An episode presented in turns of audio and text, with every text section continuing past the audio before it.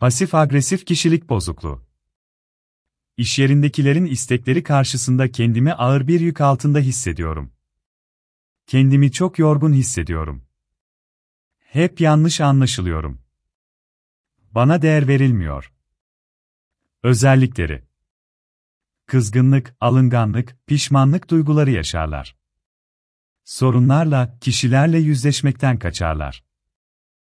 Kızgınlıklarını, kırgınlıklarını direkt ifade etmek yerine dolaylı yolları tercih ederler. Her an hayal kırıklığına uğrayabilecekleri kaygısı taşırlar. Kendilerini çaresiz hissederler. Kendisini değersiz hissederler. Değerinin verilmediğini, haksızlığa uğradığını, yanlış anlaşıldığını, şanssız olduğunu düşünürler. İşler istediği gibi gitmediğinde öfke yaşarlar.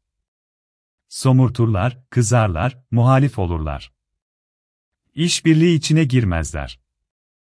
Bağımlı özellikler gösterirler. Otorite figürü tarafından verilen işleri erteleme, unutma ve B şeklinde davranışlar görülür.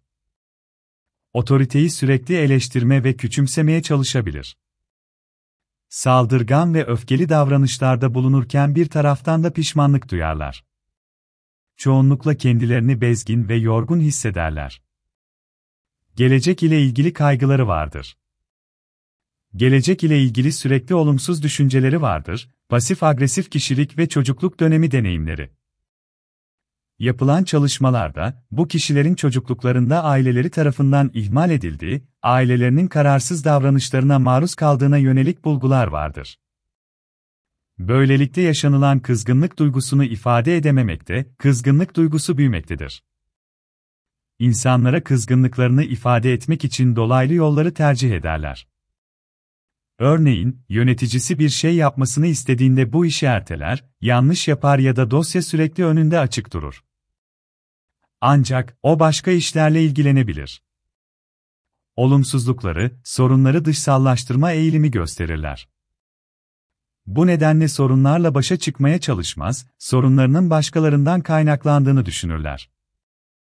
Bir taraftan bağımlı özellikler gösterirken bir taraftan da girişimcilik arasında kararsızlık yaşarlar.